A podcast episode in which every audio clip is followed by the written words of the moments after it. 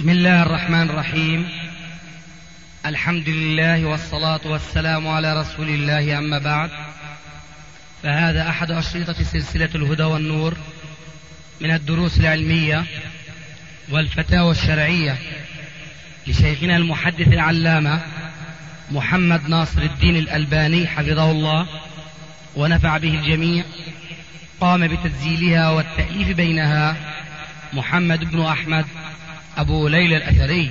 إخوة الإيمان والآن مع الشريط الرابع والتسعين بعد المئة السادسة على واحد. نحن قلنا في الجلسة الأولى بأن المفطرات قسمان مفطرات مادية ومفطرات معنوية. فمن يتربى ويتفقه على هذه على هذين النوعين من المفطرات وأن الله عز وجل حينما قال لعلكم تتقون في آية فرضية صيام رمضان من كان متفقها في هذه الآية فهو لا يفرق بين مفطر مادي فيهتم به وبين مفطر معنوي فلا يهتم به. على هذا المتفقه بهذا الفقه الصحيح أن ينتهي عن كل مفطرات أي أن ينتهي عن المفطرات المادية وعن المفطرات المعنوية. فنحن الآن نقول العادة السرية كمباشرة الرجل لزوجته دون الفرج دون الجماع. كلاهما لا يفطر ولكن المباشرة الأصل فيها الجواز بالتفصيل السابق. أما العادة السرية فالأصل فيها التحريم ولذلك فينبغي على الشباب أن ينتهوا عن هذه العادة سواء كانوا صائمين أو مفطرين. لكن إن تورط أحدهم وعصى الله عز وجل فشأنه كشأن الذي يتحلى بالذهب أو يلبس الحرير المحرم في رمضان أو ينظر نظرة محرمة أو تتبرج المرأة وتظهر إلى الشارع وهي في زعمها هي في زعمها صائمة ولكنها متبرجة. فهل نقول بأن صومها بطل بسبب هذه المعصية أو بسبب تلك المعاصي؟ نقول الإفطار المادي لا أما الإفطار المعنوي فبلى وعليكم إذا أن تلاحظوا الإفطار بالمعنى الشرعي العام وليس بالمعنى الفقهي الخاص. وهذا آخر الجواب. تعليق على نفس ما تفضلتم به. وذلك من يحتج بحديث آه، يدع طعامه وشهوته من أجل نعم. هذا على بطلان الصوم. هذا خطأ شائع. صح أن الرسول عليه السلام قال في حديث معروف أنه أن الله عز وجل هو الذي يتولى جزاء الصائم بنفسه. لماذا؟ قال يدع شهوته وطعامه من أجله. شهوته هنا لا يجوز تفسيرها بالمعنى الشامل المطلق الذي يشمل ولو كانت شهوة مباحة. مثلا أنا طيبني آنفا بعضهم وطيبت في النهار وأنا صائم. هذه رأيها طيبة هي شهوة لكنها شهوة مباحة ليست محرمة. إذا مررت ببعض الطرق في مثل الشونة مثلا مزروعة بالحمضيات التي نوارها ريحها يعبأ الطريق وإلى آخره فشممتها هذه شهوة. قبلت زوجتك كما قلنا آنفا. هذه شهوة. ولا نريد أن نعمق أكثر من ذلك. كل هذه شهوة. فهذه لا تدخل في عموم الحديث. وإنما هو يعني يدع شهوته المحرمة. المحرمة هنا فسروها فسروها ليس بالمفطرة تفطيرا ماديا فسروها بالتفطير العام الذي يشمل كل المحرمات. إذا يدع شهوته المحرمة. أما توسيع هذه الدائرة بحيث يشمل الشهوات المباحة فهذا لا يقول به عالم. نعم. سؤال آخر هل إدخال منظار إلى جوف الإنسان لأغراض الفحوص الطبية يفطر؟ إذا كان الإدخال كما أظن وطبعا ليس هذا من اختصاصي وقد عرفت آنفا آنفا بأن الأرض مسكونة بالأطباء مسكونة نعم. نعم فلذلك أنا أقول الذي أعلمه أن هذا الميل الذي يدخل إلى الجوف ليس معه أدوية. كالبخاخ مثلا. فإذا كان كذلك وإنما هو قطعة حديد توصل إلى المكان المراد فحصه ثم يخرج فلا إفطار في هذا لأنه ليس بمعنى الطعام ولا بمعنى الشراب بل هو شيء يعني لسان حال المريض يقول مكره أخاك لا بطل. آه، قلنا لك سؤال يحتج بعض الناس في زيادة التراويح إلى العشرين في أن عائشة رضي الله عنها تروي سنة عملية ولم تروي سنة قولية. فما الإجابة على ذلك؟ وهل يصح الحديث عن عمر بأنه صلاها عشرين؟ هذا السؤال يحتاج بقى إلى تراويح.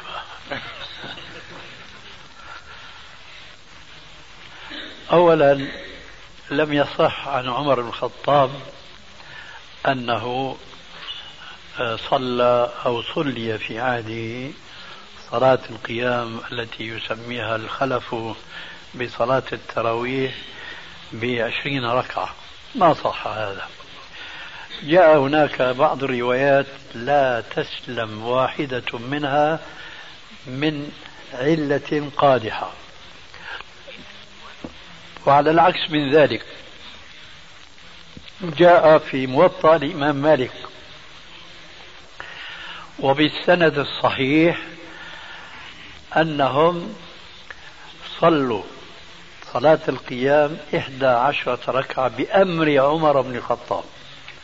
أمر عمر بن الخطاب أبي بن كعب أحد القراء من كبار الصحابة أن يصلي بالناس إحدى عشرة ركعة. إذا لم يصح عن عمر أنه صلى أو صلي في عهده عشرون ركعة بل صح عنه خلاف ذلك. ثم هذا الذي صح عن عمر بن الخطاب أنه أمر به هو الذي لا يمكن أن يصدر منه خلافه. ذلك لأنه يعلم كما علمت السيدة عائشة أن النبي صلى الله عليه وآله وسلم ما صلى صلاة القيام في رمضان أو في غير رمضان أكثر من إحدى عشرة ركعة. جاء في صحيح البخاري ومسلم. وهذا يكفيكم عن تلك الروايات التي قلت لكم آنفا إنها لا تخلو عن قادح في علم الحديث. فيكفيكم أن تعرفوا أنه لا شيء منها إطلاقا في الصحيحين. وفي الصحيحين هذا الحديث الآتي ذكره. عن عائشة رضي الله تعالى عنها أنها سئلت عن صلاة رسول الله صلى الله عليه وآله وسلم في رمضان في الليل فأجابت بأسلوب الحكيم. أسلوب الحكيم يسأل عن شيء فيجيب بأكثر من ذلك. هذا شأن العالم الذي ينضح علما يفيض علما. مش ضروري كل مسألة يوجه إليها سؤال فهو يقدم الجواب قبل أن يأتيه السؤال هكذا كان السلف الأول. قالت السيدة عائشة مجيبا للسائل الذي سألها عن قيام الرسول في رمضان فقالت ما كان رسول الله صلى الله عليه وآله وسلم يزيد في رمضان في رمضان ولا في غيره. ما كان رسول الله صلى الله عليه وسلم يزيد في رمضان ولا في غيره على إحدى عشرة ركعة. ولكن اسمعوا قالت يصلي أربعا فلا تسل عن حسنهن وطولهن. ثم يصلي أربعا. فلا تسل عن حسنهن وطولهن. ثم يصلي ثلاثا. هذا الذي حدثت به السيدة عائشة لا شك أن عمر رضي الله تعالى عنه كان على علم بذلك لذلك أمر بهديه عليه السلام. أبي بن كعب أن يصلي بالناس إحدى عشرة ركعة. ثم نزيد في الإجابة لتطمين إخواننا أهل السنة الحريصين على المحافظة عليها. لا أقول كلها لأن هذا أمر مستحيل. لا يمكن لأحدنا أن يقوم بما قام به رسول الله صلى الله عليه وآله وسلم. هذا أمر مستحيل لكن الأمر كما قيل فتشبهوا إن لم تكونوا مثلهم. إن التشبه بالكرام فلاح. من ذا الذي يستطيع أن يقف في ركعة واحدة يقرأ فيها سورة البقرة وآل عمران والمائدة ثم النساء. أربع سور من الطوال في ركعة واحدة وليس هذا فقط. فيركع. فيكون ركوعه قريبا من قيامه. وليس هذا فقط. فلما يرفع رأسه من الركوع يكون قيامه قريبا من ركوعه وليس هذا فقط فإذا سجد يكون سجوده قريبا من قيامه الثاني فإذا جلس بين السجدتين رافعا رأسه من السجدة الأولى كانت كان جلوسه قريبا من سجوده وهكذا كانت السجدة الثانية قريبا من جلسته بين السجدتين. من يستطيع هذا؟ إذا كان أصحاب الرسول عليه السلام ما استطاعوا صلاته فمن نحن؟ لقد قام في هذه الصلاة صلى خلفه عليه السلام حذيفة بن اليمان. استيقظ ليلة فرأى الرسول يصلي في المسجد وحده فاقتدى به فافتتح سورة البقرة فأسقط في يده. هكذا يعني نفسية حذيفة فيما يسوق لنا حديثه مع النبي صلى الله عليه وآله وسلم. فطمأن نفسه بأن الرسول عليه السلام مهما أطال شو راح يطير؟ راح يركع في رأس المئة آية. هكذا حدث نفسه. قال فمضى. ما ركع. فمضى. آه إذا في المئتين الثاني. فمضى. إيه خلص البقرة كلها. استسلم بقى للواقع الرجل ولم يعد يقول ها الآن يركع والآن يركع. سلم أمره لله عز وجل.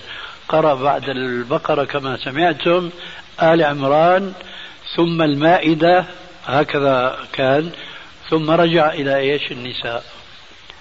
هكذا الصحابي الذي هو صاحب سر رسول الله صلى الله عليه وسلم حذيفة بن يمان والصحابي الجليل الآخر عبد الله بن مسعود صلى مرة ليلة أخرى خلفه عليه السلام قال فأطال وأطال حتى هممت بأمر سوء. قالوا له بماذا هممت؟ قال هممت أن أدعه قائما وأجلس وأستريح. فالمقصود لا يستطيع إنسان أبدا أن يفعل فعل الرسول وأن يتعبد عبادة الرسول. ولكن كما قلت آنفا فتشبهوا إن لم تكونوا مثلهم. الآن نقف هنا وقفة قصيرة لعلها. هل يكون التشبه بالرسول تزيد عليه؟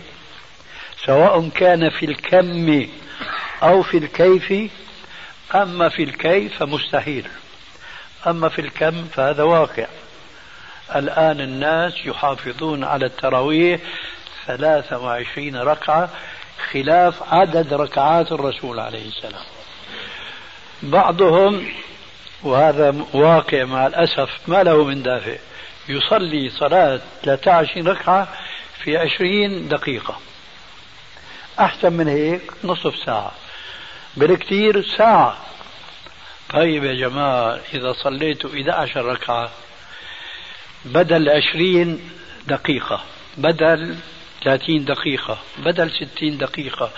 هذا خير لكم من هذه الركعات التي لا اطمئنان فيها والتي في مثلها يقول عبد الله بن مسعود الذي قال هممت بأمر سوء قال وهو يتحدث عن الصلاة في السفر هل هو قصر ركعتين ولا أربع؟ يقول سنة رسول الله صلى الله عليه وسلم ركعتان في السفر كما قال أنس بن مالك رضي الله تعالى عنه خرج رسول الله صلى الله عليه وسلم من المدينة إلى مكة فلم يزل يصلي ركعتين ركعتين حتى رجع إلى المدينة. يقول ابن مسعود ماذا؟ هنا العبرة ليت لي ليت لي من صلاتي ركعتان متقبلتان. أنا أصلي أربعة أخالف الرسول. الرسول صلى ركعتين ركعتين. منذ خرج من مدينة إلى مكة حتى عاد إلى المدينة. وهو يصلي ركعتين ركعتين.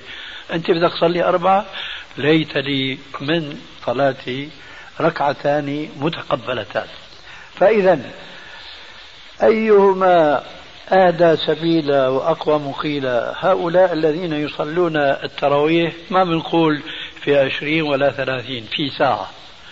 يصلون ثلاثة عشرين ركعة وهؤلاء يصلون إحدى عشرة ركعة. لا شك أن هؤلاء أقرب تشبها بالرسول. ما أقول هؤلاء جاءوا بالسنة حطوها بالكم مستحيل أننا نستطيع أن نأتي بالسنة. لكن نتشبه بمن شرع لنا هذه السنة أو سن لنا هذه السنة لأنه لا يجوز أن نقول عن الرسول شرع لأن الله هو المشرع. لكننا نقول سن لنا. فنتشبه بالذي سن لنا أن نصلي صلاة القيام إحدى عشرة ركعة فقط. إذا يا جماعة لا تخوضوا. كان الرسول يصلي 11 ولا كان يصلي 23 لك صلوا 11 في محل 23 بوقت 23 بتكونوا أنجح وأقرب إلى التشبه برسول الله صلى الله عليه وآله وسلم. أظن بقي من السؤال الذي كان ذو شعب ثلاث بقي شعبة أخيرة وهي الاحتجاج بعموم قوله عليه السلام حيث جاء في السؤال أن بعضهم يحتج أن السيدة عائشة تحدثت عن فعله لكن ما تحدثت عن قوله. يعنون بقوله عليه السلام بحديث عبد الله بن عمرو بن عمر بن الخطاب رضي الله عنهما كما جاء في الصحيحين عن ابن عمر قال قال رسول الله صلى الله عليه وآله وسلم صلاة الليل مثنى مثنى. صلاة الليل مثنى مثنى. فإذا خشي أحدكم الصبح فليوتر بركعة توتر له ما قد صلى. هذه حجة ظاهرها قوة وباطنها منتهى الضعف. ذلك. والحقيقة هذه قاعدة مهمة جدا. أرجو من إخواننا الحاضرين وبخاصة من كان منهم من طلاب العلم أن يعوها وأن يحفظوها جيدا لأنها ستساعدهم على فهم كثير من المسائل الفقهية التي قد يختلف فيها العلماء حديثا وربما قديما وقد يحتج بها أهل البدعة لتسليك بدعهم. فأقول حقيقة هذا نص عام. صلاة الليل مثنى مثنى. ما قال عشر ركعات والركعة الأخيرة هي الوتر فقط. إنما قال مثنى مثنى. فنحن نقول وهنا بعد دقة في الموضوع فأرجو الانتباه. كل نص عام يدخل تحته جزئيات كثيرة وكثيرة جدا. ونعلم أن جزءا من هذا النص العام لم يجري عليه عمل الرسول عليه السلام فالعمل بهذا الجزء مع دخوله في النص العام يكون بدعة. مسألة فيها دقة ولكن لعل بعض الأمثلة توضحها. قبل هذه الأمثلة نقول أصل كل بدعة على وجه الأرض هو التمسك بالعمومات التي لم يجري العمل بعمومها في العهد الأول. خذوا مثلا الأذان. فالأذان في كثير من البلاد الإسلامية له مقدمة وله مؤخرة. آه، عندنا في الشام يسمى المقدمة بالتذكير وبيقلبوا الذال إلى دال بيقولوا التذكير. المؤخرة هو على الرسول عليه السلام وفي هذه الصلاة زيادات من أبطل الباطل كمناداتهم بقولهم يا أول خلق الله. هذا كله معمول في سوريا وربما في مصر ولعل هذا قد نسخ والحمد لله هناك. المهم لنأخذ المسألة الحساسة الصلاة على النبي صلى الله عليه وآله وسلم عقب الأذان. هذا يدخل في عموم في القرآن وفي حديث الرسول عليه السلام. إن الله وملائكته يصلون على النبي. يا أيها الذين آمنوا صلوا عليه وسلموا تسليما. في أحد من المسلمين ينكر هذه الآية؟ من أنكرها فقد كفر. لا أحد إذا ينكرها.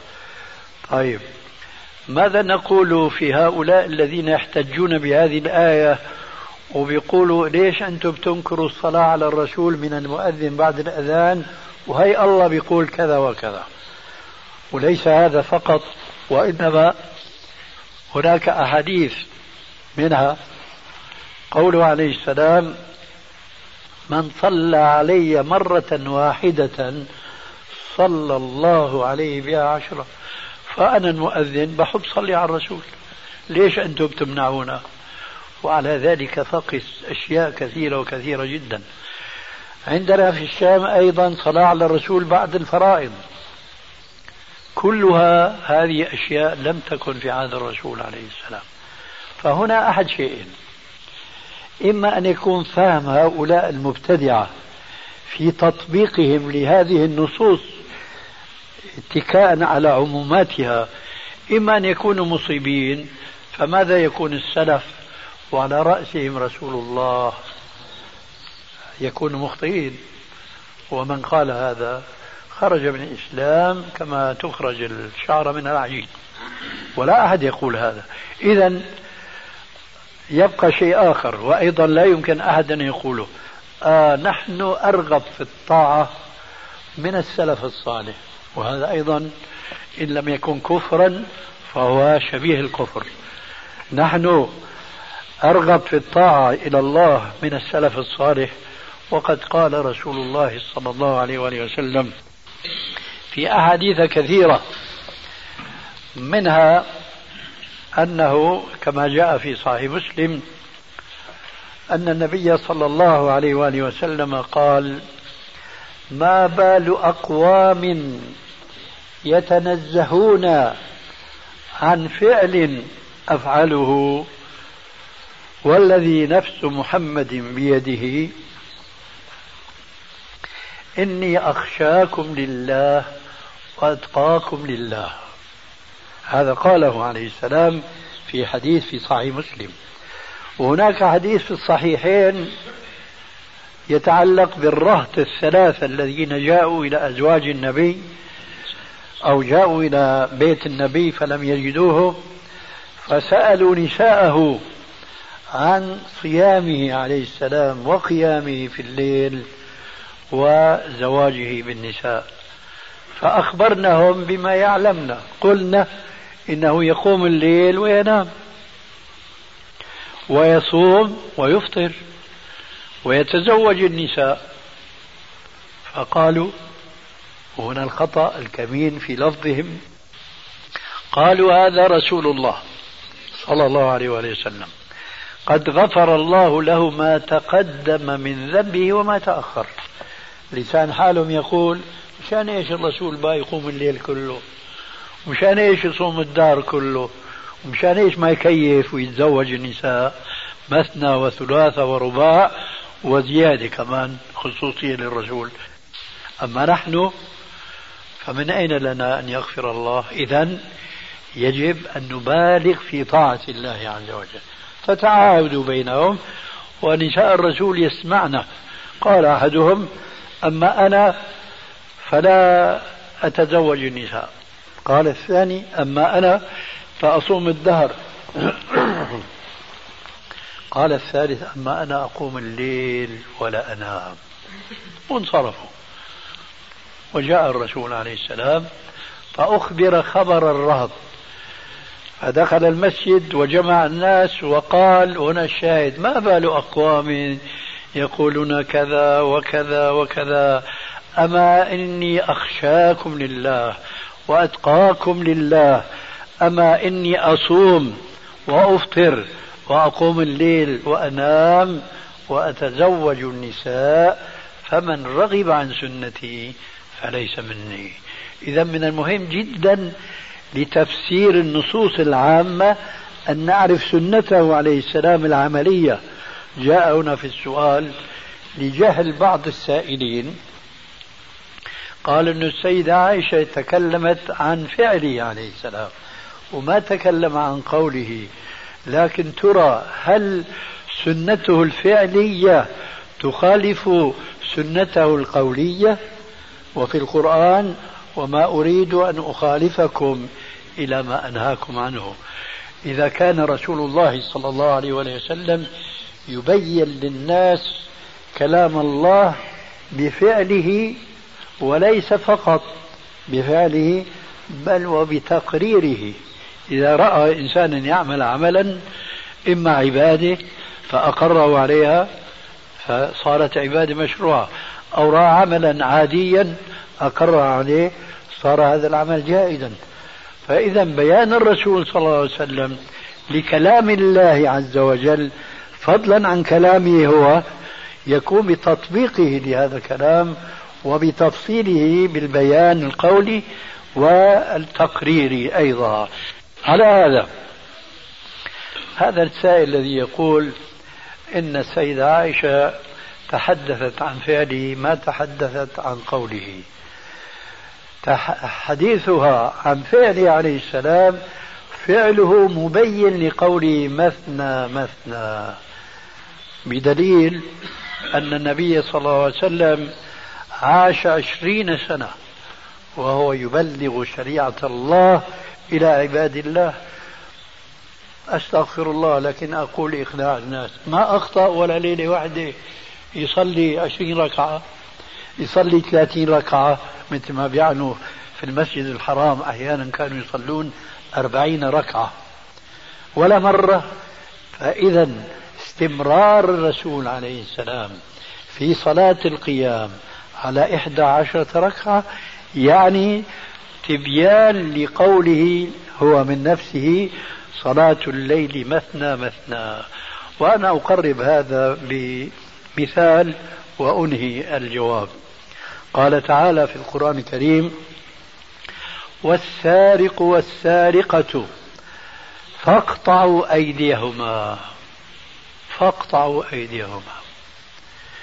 لو أننا سلكنا مسلك هؤلاء المبتدعة بل هذا السائل المخطئ في سؤاله حينما قال إن السيدة عائشة بينت فعله عليه السلام وما بينت قوله. يعني أن قوله شامل لأكثر مما فعل. انظروا الآن معي.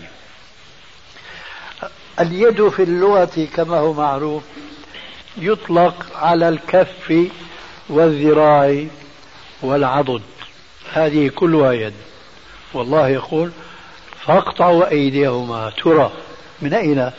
من هنا من هنا من هنا إلى آخره. كلها يد. ثم قبل ذلك السارق. من سرق بيض الدجاجة فهو سارق. من سرق مهما كانت قيمة مسروق فهو سارق. ومن سرق القناطير المنقنطرة فهو سارق. هل كل سارق ترى من أين؟ من هنا من هنا من هنا إلى آخره. كلها يد. ثم قبل ذلك السارق.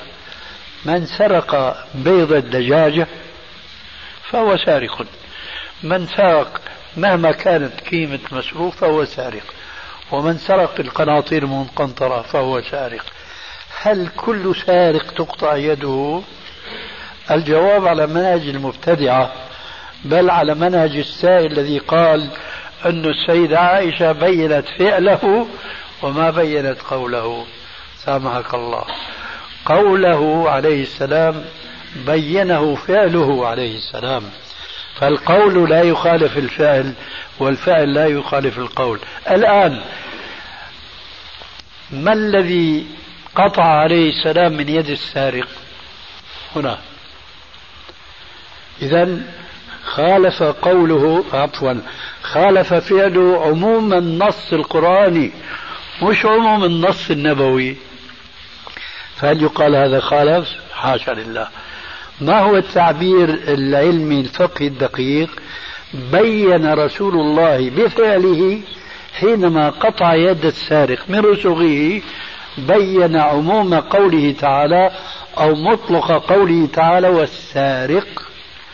اذا لابد من أن نأخذ القول مفسرا مبينا بالفعل. حتى لو كان القول في القرآن الكريم فضلا عن قول الرسول الكريم.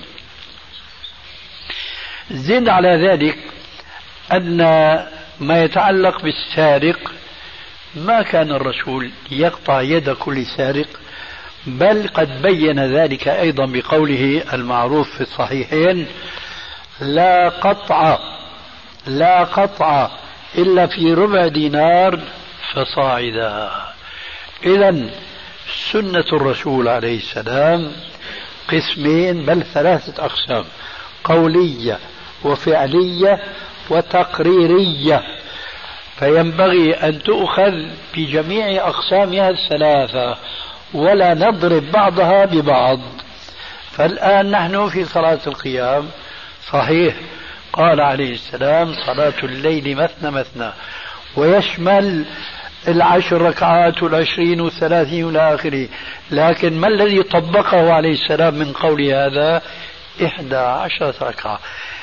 باختصار الآن أقول معنى الحديث أيها المسلم إذا بدا لك أن تقوم في الليل وأن تصلي صلاة الليل صلاة القيام صلاة التهجد كلها أسماء تدل على مسمى واحد فصلي ركعتين ركعتين.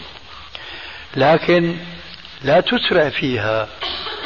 اقرأ فيها ما شاء ما شئت من القرآن وأطل القيام والركوع والسجود. نعود لنقول فتشبهوا برسول الله صلى الله عليه وآله وسلم.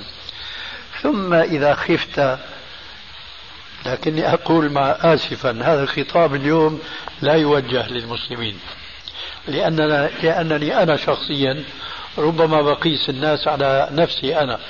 شخصيا لا أتصور أنه إنسان بيقوم في الليل وبيصلي ركعتين يصدق عليهما ما قالت عائشة في الأربع ركعات. فلا تسل عن حسنهن وطولهن. فبيطول في قراءة الركعتين وبيطول وبيطول ثم بيصلي ركعتين وبيطول وبيطول وبيخاف يطلع عليه الفجر بيقول الرسول فإذا خشيت الفجر فأوتر بركعة. وين هذه الصلاة الطويلة؟ إذا نحن نأخذ من هذا الحديث أنه أي المسلم إذا أردت أن تقوم في الليل فصلي ركعتين حسنتين حسنتين طويلتين طويلتين. آه لسه في ليل أمامك. صلي ركعتين أخريين. كمان في في خشيت يطلع عليك الفجر إذا صلي ركعة. مش معنى الحديث بقى صلي عشر ركعات وبعد منها زد ما شئت حاشا لله. هذا جواب السؤال هذا. ها؟ يكفي إن شاء الله. عشان المحافظة على الصوت. بكرة عندنا جلسة وبعد عندنا كمان جلسة. حتى إحنا. وعندنا جلسة مع أمريكا. كمان. آه. فمعذرة يكفي يكفي يا أخي الله يرضى عليك عفوا لا ليس حقك هذا أنت. أرجو أرجو عذرك لا تريب أخلاق. هو يشفق على الشيخ أنا أتكلم عنه. يشفق عليه.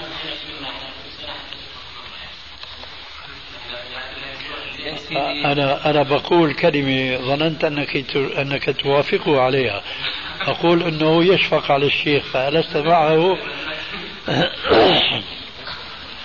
لو يعني إحنا حقيقة يعني يهمنا الشيخ عنده محاضرات كثيرة يعني ليس هو فقط يعني في هذه المحاضرة غدا عنده على ما كما سمعت أو أو بعد غد. الأسبوع. تتم الأسبوع. نعم لكن يعني إحنا طمعنا كبير يعني إنه لو يعني يتكرم بالإيجاب أو بالإجابة بإيجاز نعم نعم.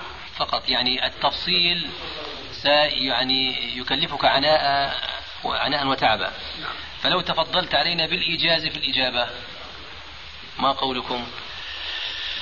والله على كل حال تعلمنا نحن في الشام اللي ما بيجي معك تعال معه.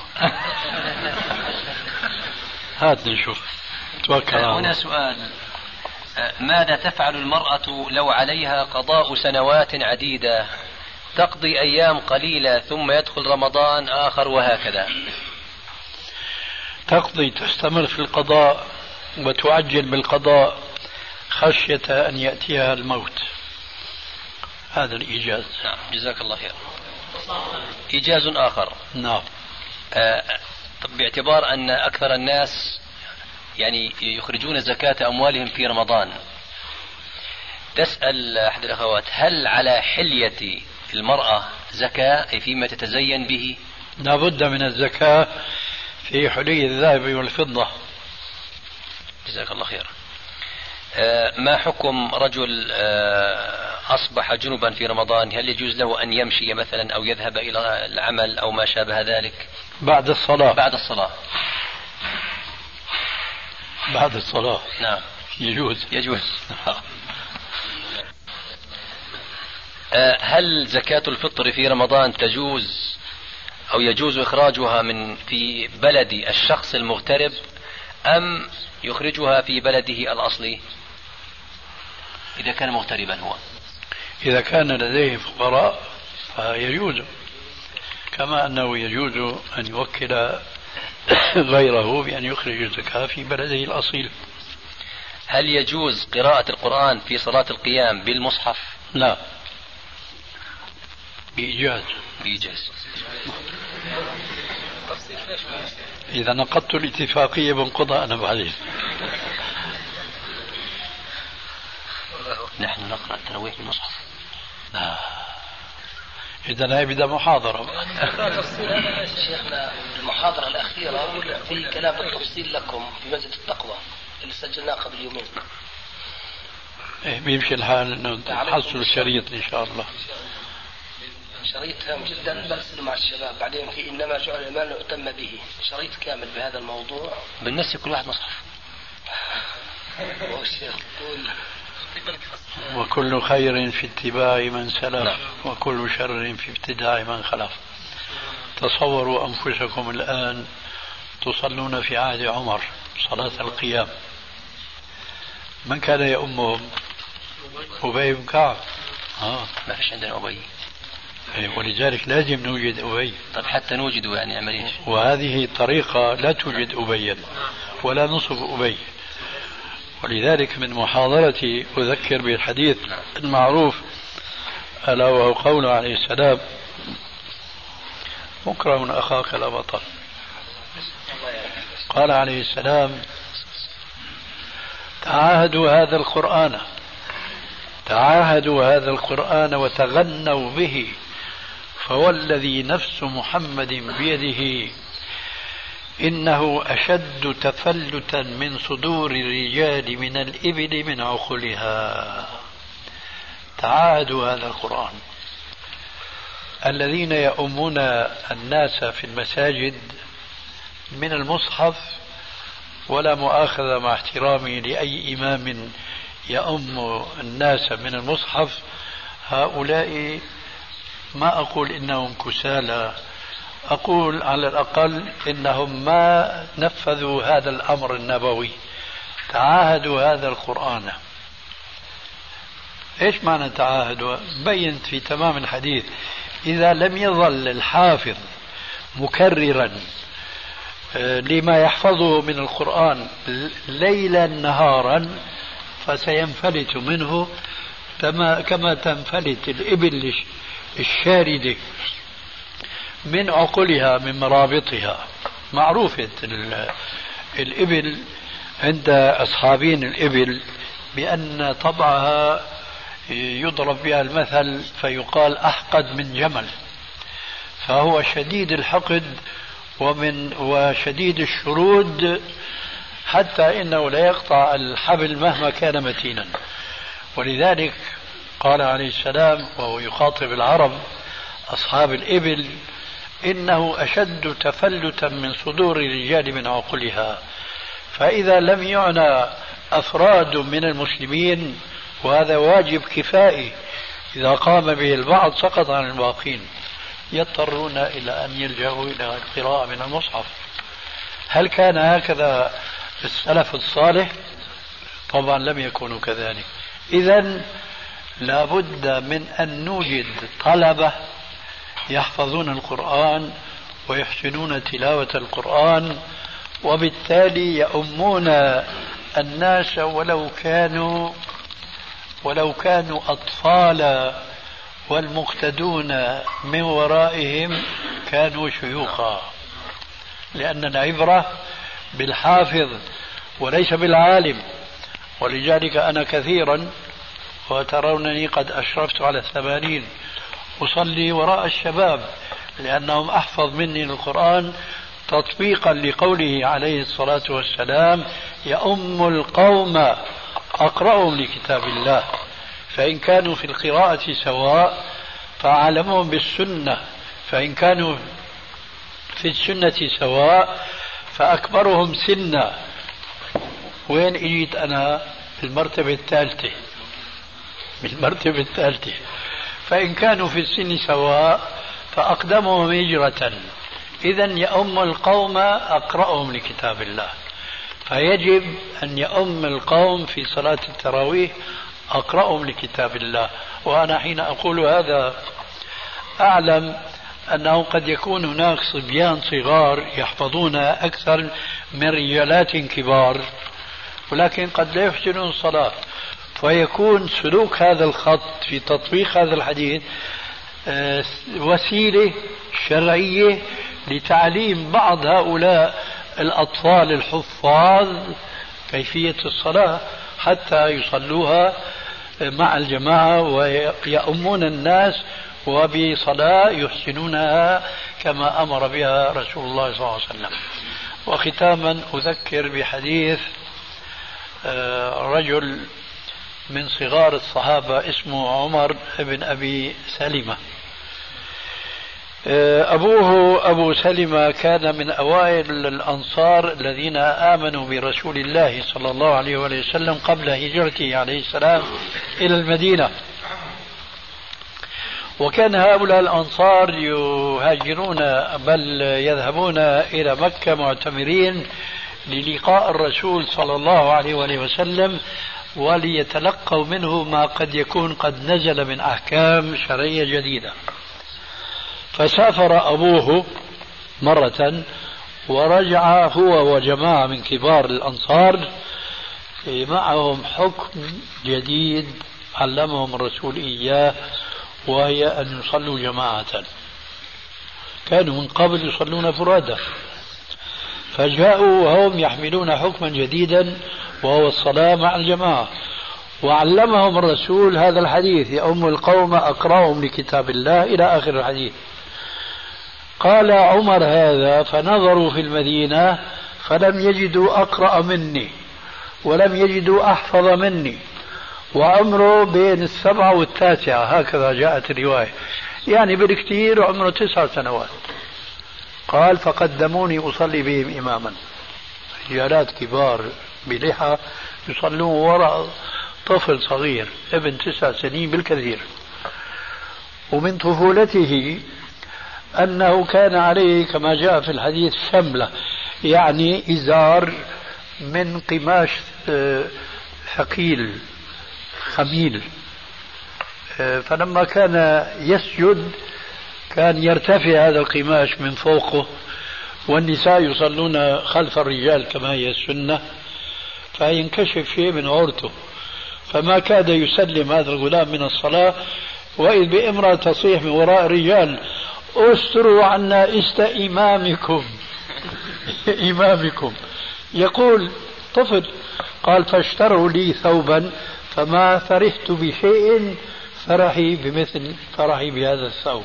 طفل مع ذلك أما الرجالات الكبار فإذا علينا أن نعنى بحفظ القرآن وأن نتشبه بسلفنا الصالح الفحص الداخلي من قبل الطبيب بالآلات الحديثة هل يفطر يفطر وهل يحتاج إلى صمام طهارة؟ إلى إيش؟ الفحص الداخلي من لا لا الجملة الأخيرة إلى إيش؟ صمام طهارة شو يعني؟ حمام طهارة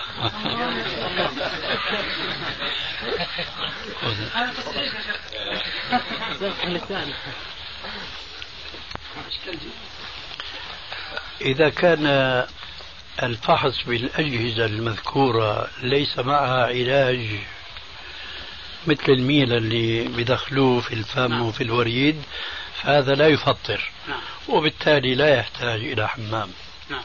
نعم. الصدقة بدون إذن الزوج من مال الزوجة العاملة جائز أم لا؟ يجوز. إعطاء المرأة العاملة النقود أو أي شيء آخر بدون إذن الزوج لأي شخص كان جائز. نفس نفس الجواب. الصدقة من مالك بإذنه. من باب أولى لا يجوز إلا بإذنه. إذا رفض دفع الزكاة جاز أن تدفعها المرأة من آه، من مؤنة البيت دون علمه؟ أفأنت تكره الناس على أن يكونوا مؤمنين؟ أظن أنه في هذا القدر كفاية إن شاء الله. جزاك الله خير. يا سيدي جزاك الله خير وإحنا يعني حقيقة يعني الأسئلة كثيرة الحقيقة يا إخواننا لكن نرحم شيخنا. وجزاه الله عنا ألف كل ألف خير وبارك الله في صحته وفي عمره وجعله إن شاء الله تعالى. آه، من القدرة والحيوية ما يعطي المزيد المزيد لناشئة هذه الأمة ولشبابها ونسائها من العلم الذي أعطاه الله إياه. وفي الختام نشكر شيخنا الشيخ محمد ناصر الدين ألباني على تكرمه وتفضله بتحمل المشقة والعناء والمجيء إلى المفرق وإلى هذا الحي حي شويكة. وكلنا سعداء لهذا اللقاء وشاكرين جدا لما من الله عليه من هذا العلم الذي سمعناه وندعو الله عز وجل له مرة أخرى بكل خير وبطول العمر في طاعة الله وخدمة هذا العلم الكريم. وجزاكم الله خيرا أيها الإخوة الحضور. وإلى أن نلتقي إن شاء الله تعالى في مرة قادمة. آه، أستودعكم الله والسلام عليكم ورحمة الله وبركاته. جزاكم الله خيرا جميعا. ونحن أيضا انتفعنا ولا شك باجتماعنا بكم ربما أكثر مما ينتفع الفرد الواحد منكم به. فأنتم أفراد كل واحد يستفيد منكم مني فرد أما أنا فأستفيد منكم جميعا. فأجوري إن شاء الله مضاعفة أكثر من أجوركم وهذا الذي يحملنا على أن نستجيب دعوتكم هذه المرة وفي غيرها إن شاء الله. والأجر للجميع إن شاء الله. ما دمنا مخلصين وقاصدين أولا العلم النافع المستقى من كتاب الله ومن سنة رسول الله صلى الله عليه وآله وسلم وعلى منهج السلف الصالح أولا ثم قاصدين أيضا أن نعمل بما تعلمنا. ثم بعد ذلك نسأل الله عز وجل أن يزيدنا وإياكم علما. وسبحانك اللهم وبحمدك أشهد أن لا إله إلا أنت. أستغفرك وأتوب إليك. أعوذ بالله السميع العليم من الشيطان الرجيم من همزه ونفثه ونفخه. تبارك الذي جعل في السماء بروجا وجعل فيها سراجا وقمرا منيرا وهو الذي جعل الليل والنهار خلفة خلفة لمن أراد أن يتذكر أو أراد شكورا. وعباد الرحمن الذين يمشون على الأرض هونا وإذا خاطبهم الجاهلون قالوا سلاما. والذين يبيتون لربهم سجدا وقياما. والذين يقولون ربنا اصرف عنا عذاب جهنم. إن عذابها كان غراما إنها ساءت مستقرا ومقاما. والذين إذا أنفقوا لم يسرفوا ولم يقتروا وكان بين ذلك قواما. والذين لا يدعون مع الله إلها آخر ولا يقتلون النفس التي حرم الله إلا بالحق ولا يزنون ومن يفعل ذلك يلقى ثاما يضاعف له العذاب يوم القيامة ويخلد ويخلد فيه مهانا إلا من تاب وآمن وعمل عملا صالحا فأولئك يبدل الله سيئاتهم حسنات وكان الله غفورا رحيما ومن تاب وعمل صالحا فإنه فإنه يتوب إلى الله متابا. والذين لا يشهدون الزور وإذا مروا باللغو مروا كراما. والذين إذا ذكروا بآيات ربهم لم يخروا لم يخروا عليها صما وعميانا والذين يقولون ربنا هب لنا من أزواجنا ربنا هب لنا من أزواجنا وذرياتنا قرة أعين واجعلنا للمتقين إماما. أولئك يجزون الغرفة بما صبروا ويلقون فيها تحية وسلاما خالدين فيها حسنت مستقرا ومقاما قل ما يعبأ بكم ربي لولا دعاؤكم فقد كذبتم فسوف يكون لزاما. أعوذ بالله السميع العليم من الشيطان الرجيم من همزه ونفثه ونفخه. يا أيها الذين آمنوا اتقوا الله حق تقاته ولا تموتن ولا تموتن إلا وأنتم مسلمون. واعتصموا بحبل الله جميعا ولا تفرقوا. واذكروا نعمة الله عليكم إذ كنتم أعداء فألف بين قلوبكم. فألف بين قلوبكم فأصبحتم بنعمته إخوانا. وكنتم على شفا حفرة من النار فأنقذكم منها. كذلك يبين الله لكم آياته لعلكم تهتدون. ولتكن منكم أمة يدعون إلى الخير ويأمرون بالمعروف وينهون عن المنكر. وأولئك هم المفلحون. ولا تكونوا كالذين تفرقوا واختلفوا من بعد ما جاءهم البينات وأولئك لهم عذاب عظيم. يوم تبيض وجوه وتسود وجوه. فأما الذين اسودت وجوههم أكفرتم أكفرتم بعد إيمانكم فذوقوا فذوقوا العذاب بما كنتم تكفرون. بسم الله الرحمن الرحيم.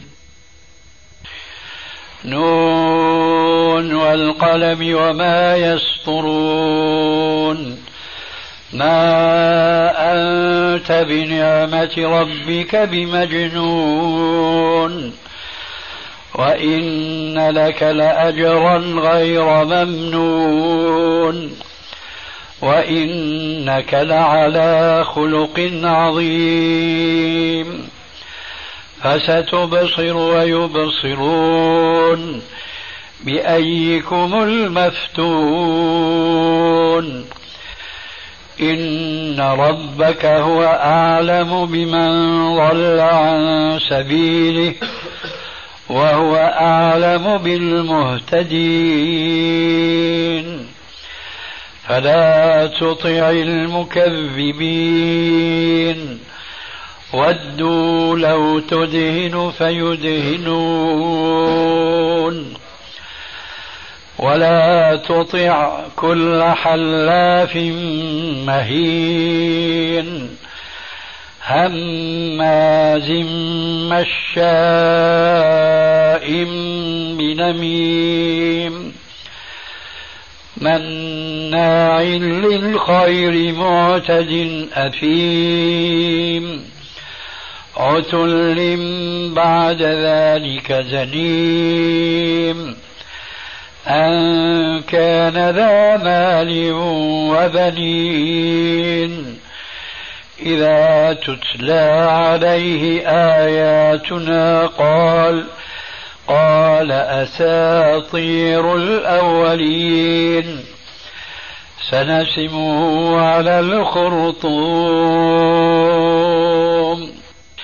إنا بلوناهم كما بلونا أصحاب الجنة إذ أقسموا ليصرمنا مصبحين ولا يستثنون فطاف عليها طائف من ربك وهم نائمون فأصبحت كالصريم.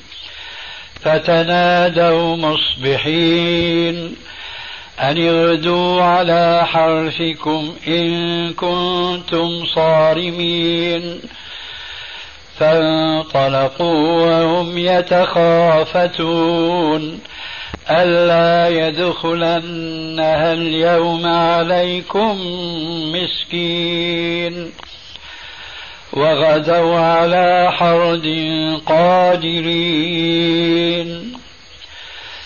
فلما رأوها قالوا إنا لضالون بل نحن محرومون. قال أوسطهم ألم أقل لكم لولا تسبحون؟ قالوا سبحان ربنا إنا كنا ظالمين. فأقبل بعضهم على بعض يتلاومون.